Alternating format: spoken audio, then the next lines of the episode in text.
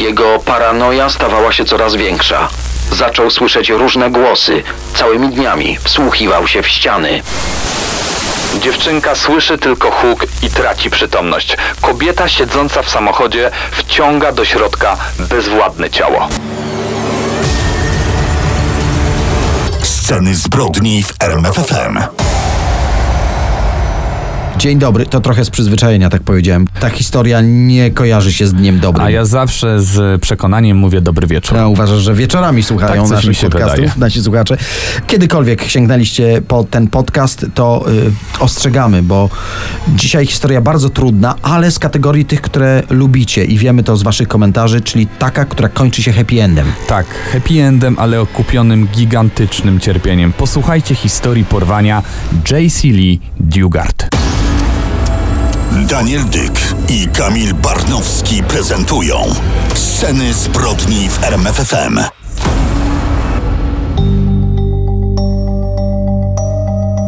10 czerwca 1991 roku. Niewielkie senne miasto South Lake Tahoe w stanie Kalifornia, w Stanach Zjednoczonych. Właśnie tu i właśnie wtedy dla małej dziewczynki J.C. Lee Dugard zaczyna się 18 lat piekła.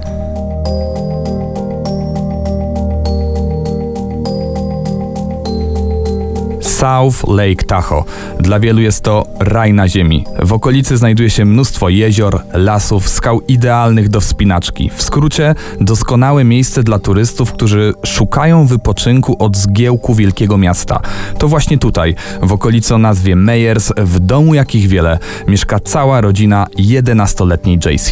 JC to cicha, grzeczna dziewczynka, piękne blond włosy, uroczy uśmiech. Nie sprawia żadnych problemów. Przeprowadziła się tutaj wraz z rodziną niecały rok wcześniej. Przedtem mieszkali w mieście Anaheim, niedaleko Los Angeles. Pewnego dnia ktoś włamał się do ich mieszkania. Dlatego postanowili poszukać dla siebie bezpieczniejszego miejsca. 10 czerwca to był poniedziałek, czas iść do szkoły. Dziewczynkę rano obudził dźwięk zamykanych drzwi, to była jej mama Terry Probin. Jessie tak jak zawsze w pośpiechu przygotowywała się do wyjścia, ubrała ulubioną koszulkę z podobizną kota i różowe spodnie. Spakowała jeszcze do plecaka kanapkę z masłem orzechowym, jabłko i sok. Przed wyjściem chciała też pożegnać się ze swoją młodszą siostrą Shane'ą, ale ona jeszcze spała. Pozostało jej więc y, tylko uściskać swojego ukochanego kota, no i szybko pobiec na przystanek autobusowy. Spieszyła się, bo, bo jeśli nie zdąży, no to będzie musiała prosić o podwózkę swojego ojczyma, Karla Probina, a po czymś takim w domu, no, awantura murowana. JC więc szybkim krokiem idzie wzdłuż drogi na przystanek. Gdy jest już daleko od domu, przejeżdża obok niej szary sedan z parą w środku. Po chwili samochód zatrzymał się i zawrócił. Podjechał do dziewczynki, kierowca uchylił okno. Dziewczynka się wystraszyła, ale jako, że wychowano ją, by była uprzejma i miła, pomyślała, że ci państwo w samochodzie chcą jedynie zapytać ją o drogę. Jednak sprawy, jak się domyślacie, przybrały inny obrót. Mężczyzna opuścił szybę, złapał dziewczynkę i próbował wciągnąć do samochodu. JC broniła się, szarpała, zaczęła wołać o pomoc, ale wtedy została porażona paralizatorem. Mm, Słyszy tylko huk, charakterystyczny odgłos iskier i traci przytomność. Kobieta siedząca w samochodzie wciągnęła bezwładne ciało dziewczynki do środka, położyła na tylnym siedzeniu, przykryła kocem, no i jeszcze dla pewności przygniotła swoim ciałem. Całą tę tragedię widział ojczym JC, który krzątał się wtedy po podwórku. Widząc, co się dzieje, wsiadł na rower i próbował dogonić samochód. Oczywiście było to niemożliwe, zwłaszcza, że cały dramat rozegrał się na bardzo stromym wzniesieniu. Wszystko działo się tak szybko, że nie zdążył nawet zapamiętać numeru rejestracyjnego samochodu. Jego pasierbica JC Dugard została porwana w biały dzień sprzed jego domu. Ojczym JC był zbyt daleko, żeby uratować ją z rąk porywaczy. Po nieudanym pościgu zadzwonił na policję i dokładnie opisał zarówno samochód, jak i parę w środku. Policja natychmiast rozpoczęła akcję ratunkową. Setki funkcjonariuszy, w końcu chodziło o dziecko, przeczysywało całą okolicę, psy tropiące, patrole konne. Robili co tylko mogli, by uratować tą dziewczynkę. Obserwowali każdą podejrzaną osobę. To gigantyczne poszukiwania z ziemi i powietrza, ale po samochodzie zaginął jakikolwiek ślad. Zastanawia mnie jedna rzecz. Patrząc na mapę South Lake Tahoe, tam gdzie porwano dziewczynkę, można zauważyć, że to miasto położone jest w Nietce. Miasto w środku, a dookoła wzgórza. Żeby wydostać się z niego, trzeba przejechać jedną z siedmiu dróg wychodzących z tego miasta. No po prostu nie ma innej fizycznej możliwości.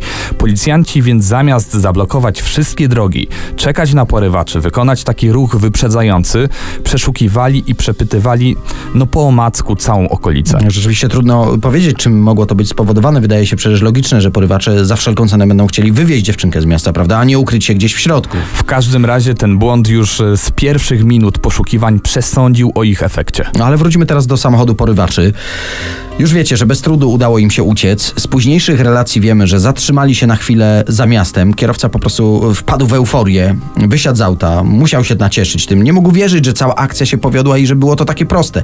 Za to dziewczynka była kompletnie przerażona. Przez ponad trzy godziny tej podróży w nieznany była trzymana przez Nancy. Niektóre źródła mówią także, że była wciśnięta między e, fotel e, przedniej pasażera i e, tylną kanapę.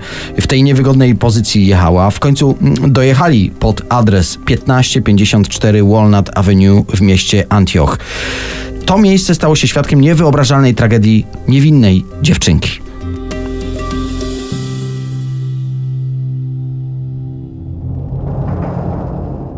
JC większość drogi była przewożona z kocem na głowie, nie miała żadnego pojęcia, gdzie się znajduje. Próbowała zapamiętać zakręty, liczyła jak długo jadą, ale traciła przytomność. Już na miejscu mężczyzna zabrał dziewczynkę do swojego mieszkania, kazał jej wziąć prysznic, a później nagą ze skrępowanymi rękoma poprowadził na tył ogrodu, gdzie znajdowało się dźwiękoszczelne pomieszczenie. Ściany tego domku były wygłuszone dywanami i pudełkami po jajkach. Tak, no właśnie, te charakterystyczne różowe ubrania dziewczynki, które kazał jej zdjąć, spalił, by zatrzeć wszelkie ślady, ale ona zdołała zdjąć z palca no, swój skarb, mały pierścionek w kształcie motylka. To jest cenna pamiątka. Zdołała to ukryć przed porywaczem. I przez najbliższych 18 lat to będzie jedyna pamiątka po jej dotychczasowym życiu. Dziewczyna trzęsła się ze strachu. Drżącym głosem powiedziała, żeby jej porywacz nie krzywdził, bo mimo tego, że jej rodzina nie jest może bogata, to na pewno uda im się uzbierać wystarczającą kwotę na okup. Porywacz nie chciał jej słuchać. Więcej, powiedział, że rodzice w ogóle nie interesują się odzyskaniem córki, że nawet nie chcieli słyszeć o zbieraniu jakiegokolwiek okupu. Właściwie to naprawdę się cieszą, że się jej pozbyli. Założył na ręce kajdanki i wyszedł. Chwilę później udało jej się zębami zerwać tkaninę zasłaniającą okno, jakiś stary ręcznik, ale przez okno nie widziała żadnych charakterystycznych punktów, które mogłyby powiedzieć jej, gdzie się znalazła. Nawet gdyby kogoś zawiadomiła jakimś cudem, i tak nie wiedziała, gdzie go pokierować. Starała się jednak zapamiętywać jak najwięcej w ciągu kolejnych dni. Gdzieś w oddali odgłos pociągu, jakiś sąsiad kosił trawnik. Dziewczynka była całymi dniami przetrzymywana w prymitywnym domku zamykanym na podwójne drzwi. Jedyną osobą, która widziała, był jej porywacz, który przynosił jej jedzenie. Zaczęła się nawet zastanawiać, czy ten mężczyzna, który ją uprowadził, nie jest jej biologicznym ojcem, który zostawił ją i jej matkę w dzieciństwie. Martwiła się też o szkołę, czy nie będzie miała problemów, przecież to długa nieobecność. No i, no i jednak myślała o rodzicach, czy jej nie szukają. Pamięta, że jedynym towarzyszem tych jej pierwszych dni w ciemnej szopie był pająk, którego nazwała Bianka. Bianka, no i oczywiście on, ten pan, porywacz, dużo z nią rozmawiał, ale głównie mówił, co ją czeka, jeśli spróbuje uciec, że na zewnątrz po podwórku biegają wygłodniałe dobermany, które rzucą się na nią, bo tak zostały przez niego wyszkolone. Tydzień po porwaniu rozpoczęło się prawdziwe piekło. Dziewczynkę odurzano koktajlami ze wszystkich możliwych narkotyków, od LSD na amfetaminie kończąc. Była wielokrotnie wykorzystywana seksualnie. Nagrywano z nią upokarzające filmy pornograficzne. Trzymano w klatce. Jej kat straszył, że jeśli nie będzie z nim współpracowała, sprzeda ją innym, uwaga, jeszcze gorszym ludziom. To, co działo się w tym pokoju, no, naprawdę nie mieści się w głowie. JC nie miała dostępu do łazienki, nie mogła nawet umyć zębów. Y, O żadnej ucieczce z tego piekła nie było nawet mowy. Kraty w oknach, solidne drzwi z podwójnymi zamkami. Te drzwi można było otworzyć jedynie od zewnątrz.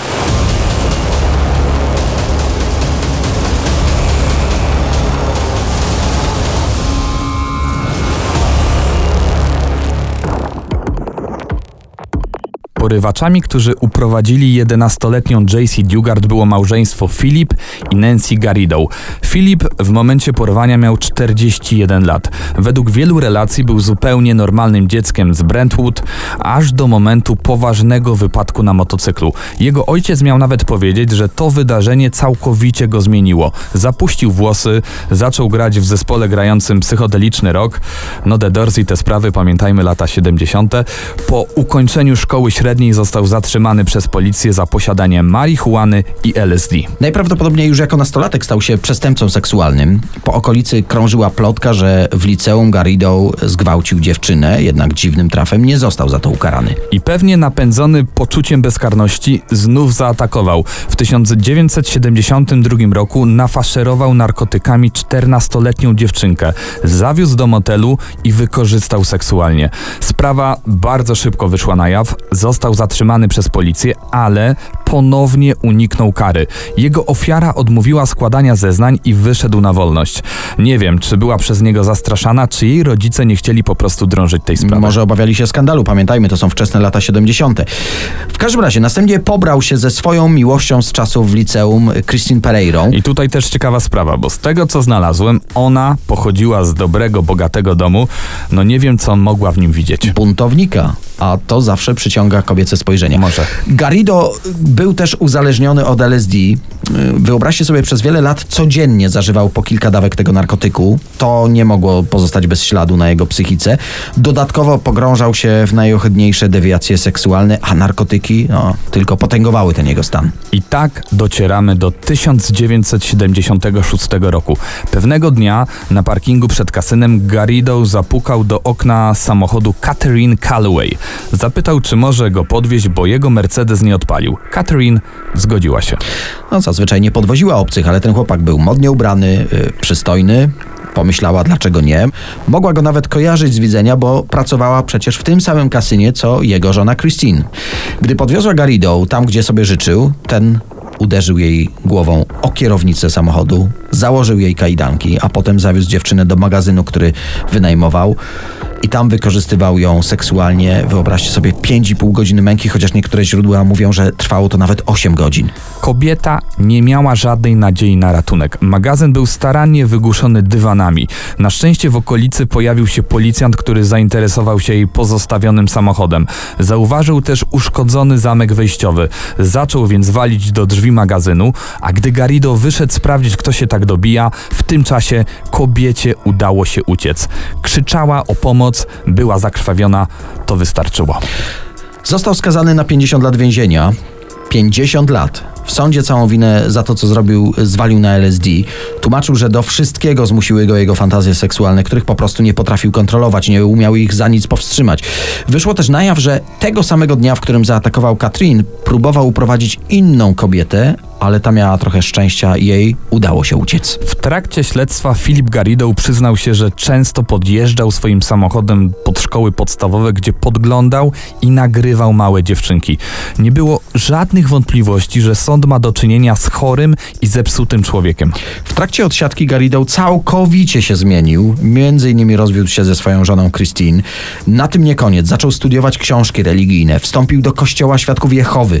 Psycholog więzienny, który obserwował taką duchową przemianę Garrido, stwierdził, że jest bardzo mało prawdopodobne, żeby w przyszłości mógł mieć jakikolwiek konflikt z prawem. To jest zupełnie nowy człowiek. Uważano go za e, wręcz wzór resocjalizacji. Sukces systemu penitencjarnego. Za dobre zachowanie został zwolniony warunkowo już po 11 latach odsiadki. Jak później się okazało, uprowadzenie Catherine Calloway było tylko próbą generalną przed porwaniem J.C. Lee Dugard. Porwanie, które nastąpiło zaledwie 3 lata po wyjściu Garrido na wolność. Cała jego duchowa przemiana była doskonale wyreżyserowaną grą pozorów. Szokujące jest to, że swoje dwie ofiary, i Catherine Calloway i J.C. Lee Dugard, porwał tak naprawdę z tej samej okolicy. Obie mieszkały w South Lake Tahoe. Udoskonalił więc y, tylko swój plan, żeby nie było wpadki tym razem. Porwał więc małą, bezbronną dziewczynkę. Wróćmy jeszcze na chwilę do Nancy, kobiety, która była w samochodzie w dniu porwania JC. Poznała się z Philem w więzieniu, przychodziła tam w odwiedziny do swojego wujka, para pobrała się, gdy Garrido był jeszcze w zakładzie karnym, ona 4 lata od niego młodsza, połączyło ich no wyjątkowe miejsce, Zakochana. co mogło w tym związku pójść nie tak. W każdym razie, po wyjściu z krat zamieszkali z jego chorą matką, którą się opiekowała y, ta właśnie Nancy, bo ona pracowała jako pielęgniarka. Brat Garrido powiedział w jednym z późniejszych wywiadów, że Nancy była robotem w rękach Phila. Robiła absolutnie wszystko, czego tylko on zapragnął.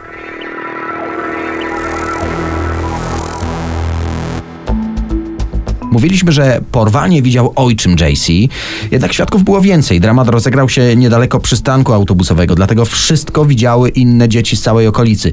Rozpoczęła się prawdziwa psychoza strachu.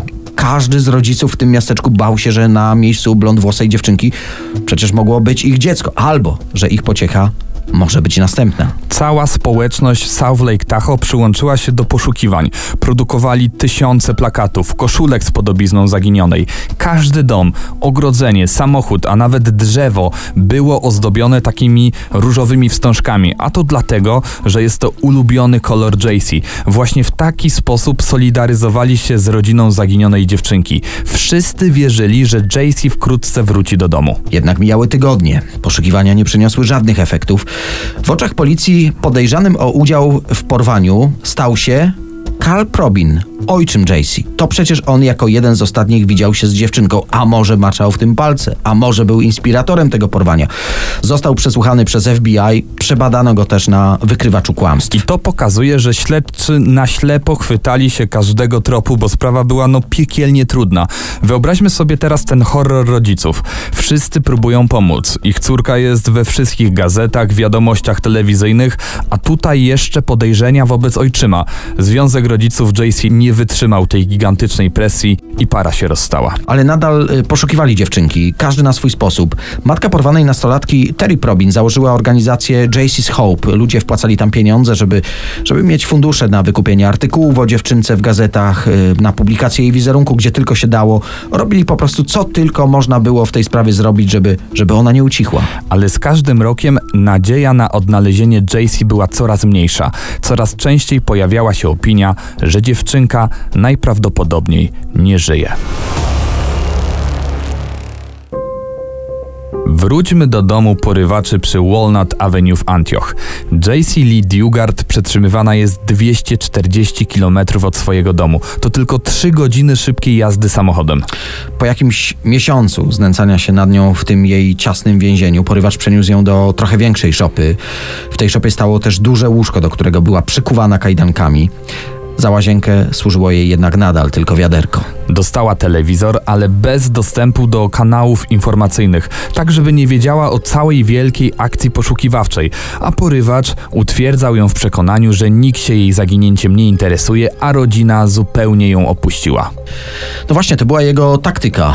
Nikt się tobą nie interesuje, tylko ze mną masz szansę. Jeśli nawet uciekniesz, ja porwę sobie inną, którą spotka większe okropieństwo. Chyba nie chcesz tego robić jakiejś innej dziewczynce. Pomóż mi, a nikt inny nie ucierpi.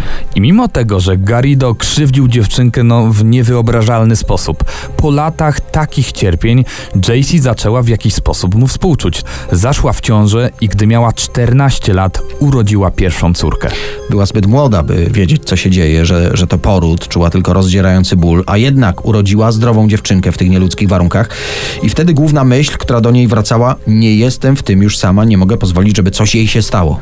Trzy lata później urodziła drugą dziewczynkę. Od tego momentu już 17-letnia matka dwóch dziewczynek, Angel i Scarlett, jej życie w niewoli zaczęło mieć jakiś sens.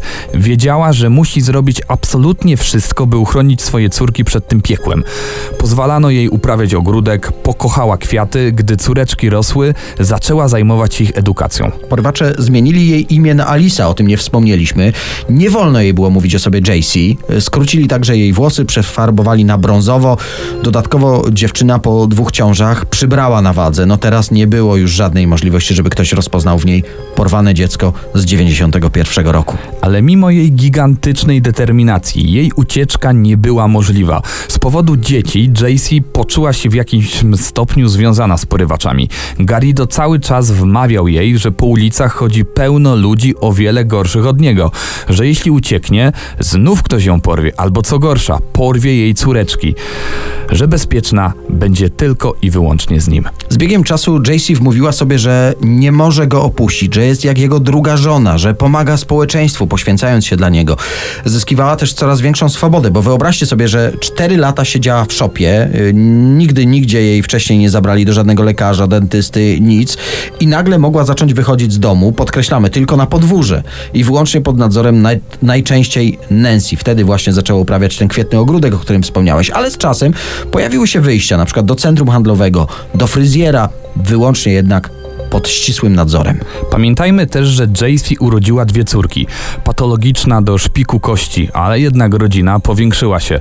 Dlatego Garrido, żeby jakoś ją utrzymać, założył domową drukarnię. W pracy pomagała nawet Jaycee. Kilka razy spotkała klientów Garrido, odbierała telefony, ale zawsze wydawała się pogodzona z losem. Nie próbowała uzyskać pomocy i nikt niczego nie podejrzewał. Z czasem też miała dostęp do frontowych drzwi domu, mogła więc uciec, miała potem dostęp do internetu, ale nigdy nie zostawiłaby przecież swoich córeczek na pastwę tego potwora. On przedstawiał ją wszystkim jako swoją córkę, a jej dzieci przedstawiał jako młodsze siostry JC, przepraszam, Alisy, Alisy, e, że wszystkie są biologicznymi dziećmi jego żony Nancy. Nawet te córeczki nie znały prawdy. Natomiast za domem przybywało namiotów, różnych przybudówek, dziwnych konstrukcji. Dziewczynki rosły, po prostu potrzebowały coraz więcej miejsca do, do biegania, do zabawy. E, Polecam, żebyście zobaczyli na Instagramie scen zbrodni zdjęcia tych, tych dziwnych konstrukcji, chaotycznych bardzo, które zbudował Garrido. Zobaczycie wtedy, jak bardzo miał nie po kolei w głowie. Filip Garrido większość swojego czasu spędzał no, na zażywaniu narkotyków, to oczywiste, ale potem zaczął czytać Biblię. Jego paranoja stawała się coraz większa. Zaczął słyszeć różne głosy, całymi dniami wsłuchiwał się w ściany. W końcu wpadł na pomysł założenia kościoła, który miał być terapią dla ludzi takich jak on, pedofili i gwałcicieli. Kościół miał nosić nazwę Boże Pragnienie. Swoim genialnym pomysłem, jak mu się wydawało, tym darem odgłosów, Garrido chciał się podzielić z całym światem. Dlatego 24 sierpnia, to bardzo ważna data, 24 sierpnia 2009, przyjechał, uwaga, do oddziału FBI w San Francisco. Tam pokazał funkcjonariuszom swoje urządzenie, dzięki któremu słyszy głosy z innego świata. Ale szybko okazało się, że to najzwyczajniejszy magnetofon, a nagrania to radiowe szumy. Więc odczytał tym razem swój manifest, w którym przedstawił, jak religia i seks może uleczyć przestępców seksualnych. Od razu można było przecież zauważyć, że jest niebezpiecznym wariatem. No właśnie, a mimo tego, że był pod nadzorem kuratora, że był skazany za gwałt, policjanci go nie zatrzymali, w ogóle tą sprawą się nie zainteresowali. Garrido, powiedzmy, no, z poczucia apostolskiego obowiązku działał dalej. Chciał zorganizować na terenie kampusu Uniwersytetu w Berkeley w Kalifornii piknik swojego nowego kościoła. No ale żeby uzyskać zgodę na to wydarzenie, musiał dogadać się z władzami uczelni. No i tego samego dnia po porannej wizycie w FBI pojechał na spotkanie w tej sprawie. Garrido przyszedł z dwiema córkami JC. W taki sposób chciał zyskać w oczach władz uczelni, chciał wyjść na odpowiedzialnego ojca, wzorowego obywatela. Jednak kobieta, która była na tym spotkaniu, Alisa Kimball, szybko zauważyła, że z dziewczynkami jest coś nie tak. Milczą, gdy nie ma przy nich ojca, denerwują się, ciągle błądzą wzrokiem, są wręcz przeraźliwie posłuszne. Do tego niezwykle blade, jakby nigdy nie wychodziły na zewnątrz. Dlatego czując, że coś jest nie tak, grała na zwłokę. Umówiła się z tym pastorem nowego kościoła, wzorem ojca, jak to powiedziałeś, ale na następny dzień. Chwilę później poprosiła policjantkę z kampusu, Ellie Jacobs, żeby sprawdziła Filipa Garrido w bazie przestępców. I tutaj Eureka. Był skazany za gwałt i jest pod nadzorem kuratora sądowego. Policjantka zadzwoniła do jego opiekuna, opowiedziała, że jego podopieczny przyszedł właśnie na spotkanie z dwójką dzieci. Ten oczywiście o niczym nie wiedział. Garrido został więc y, tymczasowo aresztowany. Tłumaczył się, że dziewczynki to córki krewnych i mają zgodę rodziców na podróżowanie z nim. W międzyczasie przeszukano jego dom. W nim nie znaleziono niczego podejrzanego. Wyobraźcie sobie, nie przeszukano jego podwórka, gdzie przetrzymywana była JC. Garrido ostatecznie został więc uwolniony zaledwie po kilku godzinach. Kuratorzy powiedzieli, że o, przymknął na to oko, mimo że miał zakaz sądowy podróżowania i zakaz zbliżania się w ogóle do nieletnich. I wydawało się, że ten koszmar będzie trwał dalej. Porywacz uważał wręcz, że jest pod opieką aniołów, no i nie są mu nic w stanie zrobić. Jednak następnego dnia, zgodnie z umową, Garrido miał się wstawić w biurze swojego kuratora. Przekonany o swojej bezkarności, przyszedł na to spotkanie ze swoją żoną Nancy, porwaną JC i dwójką jej dzieci. Kurator był w prawdziwym szoku. Nie miał pojęcia o co w tym wszystkim chodzi. I tu chyba po raz pierwszy w całej tej pogmatwanej historii zachował się tak, jak powinien się zachować, czyli oddzielił mężczyznę od reszty rodziny, żeby przesłuchać wszystkich osobno i porównać ich zeznania. J.C. Well, Alisa, y, tłumaczyła policjantom, że wie, że Garrido odsiadywał wyrok za gwałt, ale mimo tego zgodziła się na wyjazd dziewczynek na uniwersytet. Tak. Powiedziała dokładnie to, co kazał jej Garrido. Po 20 minutach przesłuchania, gdy wróciła do samochodu, policjanci zorientowali się, że ta cała historia po prostu nie ma sensu. Garrido, widząc co się dzieje, szybko uszył inną historię, że wszystkie kobiety są córkami jego brata. JC, bojąc się o swoje córki, wymyśliła jeszcze inną wersję, według której jakiś czas temu uciekła z córkami od swojego męża, a Garrido się nimi wszystkimi zaopiekował. Jedynie u jego boku czuła się bezpieczna. To taki miły człowiek. Dał jej schronienie. No, w tym momencie cierpliwość policjantów się skończyła. Mieli już dość absolutnie tej szopki. Jeśli wcześniej tylko coś podejrzewali, no to teraz mieli już pewność, coś tutaj jest nie tak. JC została znów przesłuchana. Policjantka poprosiła ją, żeby powiedziała, jak ma naprawdę na imię, że jest teraz bezpieczna. Dziewczyna milczała. Jednak po chwili do pokoju przyszedł funkcjonariusz przesłuchujący Garrido. Powiedział, że mężczyzna przyznał się do jej porwania. Policjantka ponownie poprosiła dziewczynę o podanie swojego prawdziwego imienia. JC w panice, no wręcz nie potrafiła wydusić z siebie jakiegokolwiek słowa, mimo tego, że pierwszy raz od 18 lat, podkreślamy, ponad 18 lat, mogła wyjawić swoją prawdziwą tożsamość. W końcu przełamała się i napisała na kartce: Nazywam się JC Lee Dugard. -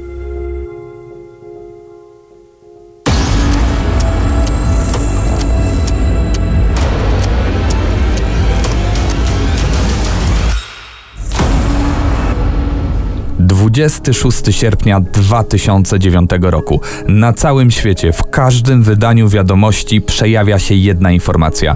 29-letnia Alicja, przetrzymywana przez 18 lat w Antioch, to tak naprawdę porwana w 1991 roku JC Lee Dugard. Wina porywaczy była bezapelacyjna. 28 kwietnia 2011 roku przyznali się do porwania dziewczynki i niezliczonych przestępstw seksualnych. Nancy Garrido została skazana na 36 lat więzienia, natomiast Phil Garrido, jako główny sprawca tego piekła, został skazany na 431 lat pozbawienia wolności. Nancy tłumaczyła w sądzie, że zrobiła to wszystko z miłości do Phila, który był seksocholikiem. Philip Garrido był też podejrzany w sprawie zaginięcia innych dziewcząt, ale po przeszukaniu jego domu nie znaleziono żadnych śladów, które mogłyby o tym świadczyć. No właśnie, wspomniałeś, domu. Jak to możliwe? I to pewnie zadają sobie to pytanie nasi słuchacze. Jak to możliwe, że przez 18 lat nikt nie zauważył JC? Przecież jak wspomnieliśmy, Garrido był notowanym przestępcą seksualnym. Wiedzieli o tym sąsiedzi. Przez 18 lat, minimum dwa razy w miesiącu odwiedzał go kurator, który sprawdzał, czy nie łamie zasad zwolnienia warunkowego.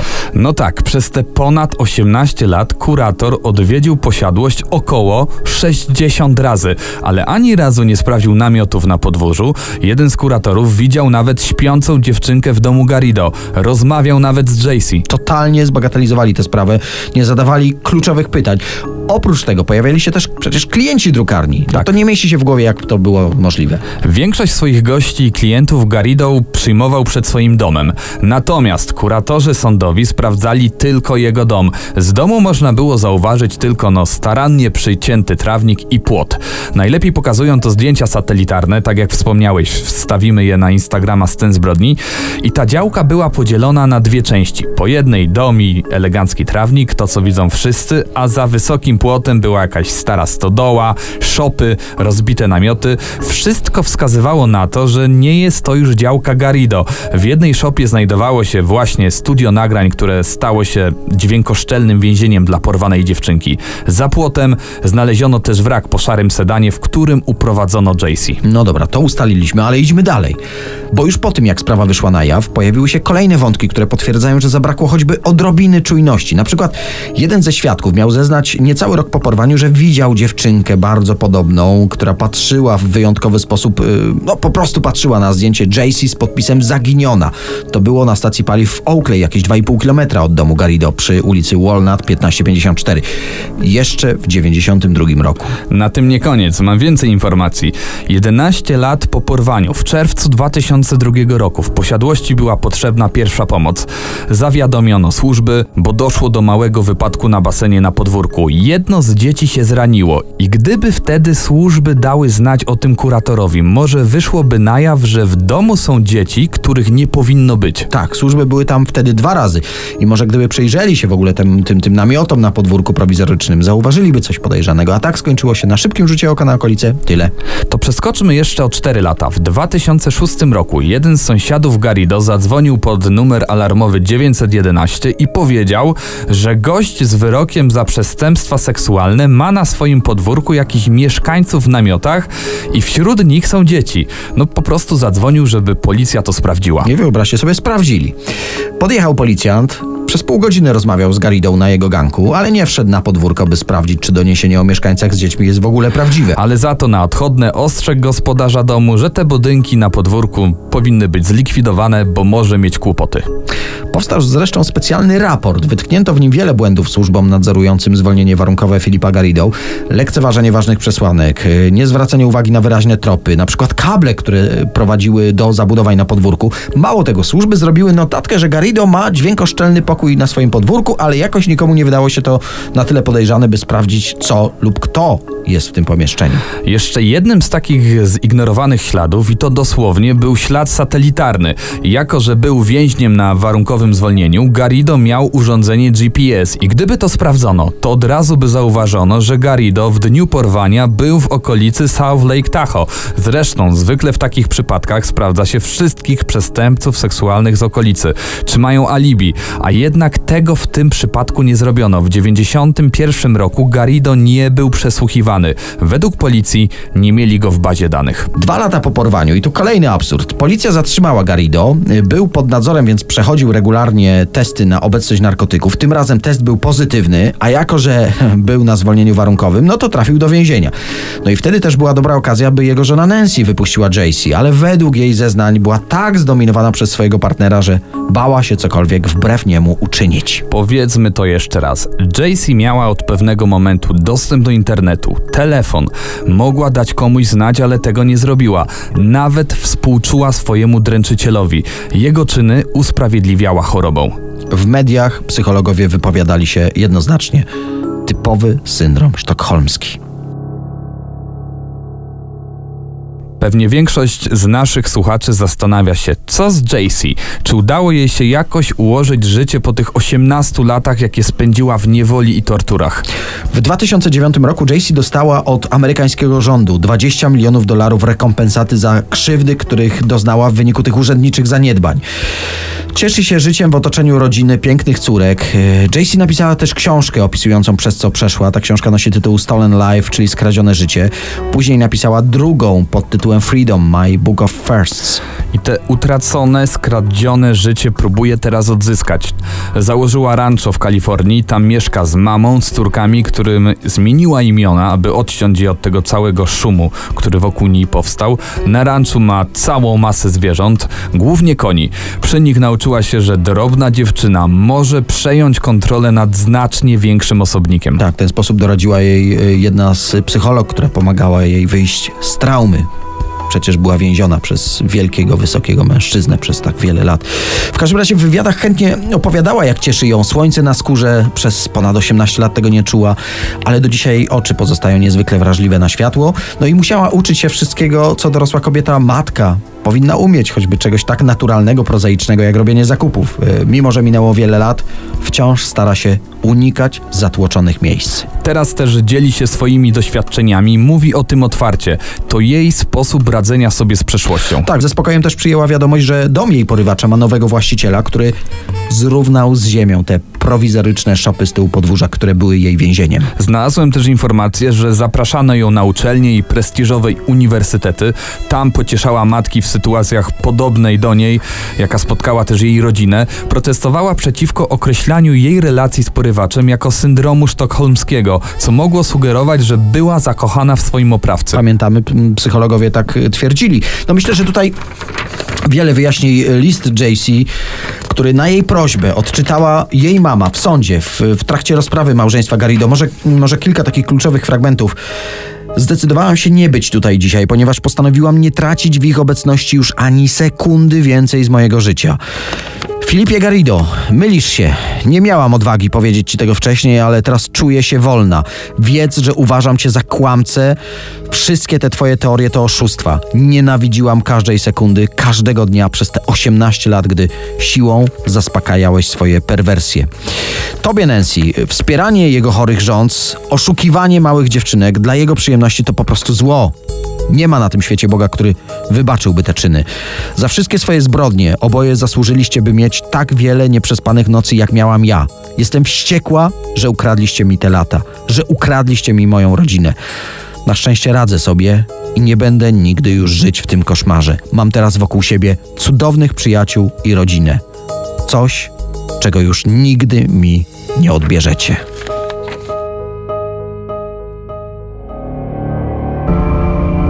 Płatni zabójcy, seryjni mordercy i sceny zbrodni w RMFFM.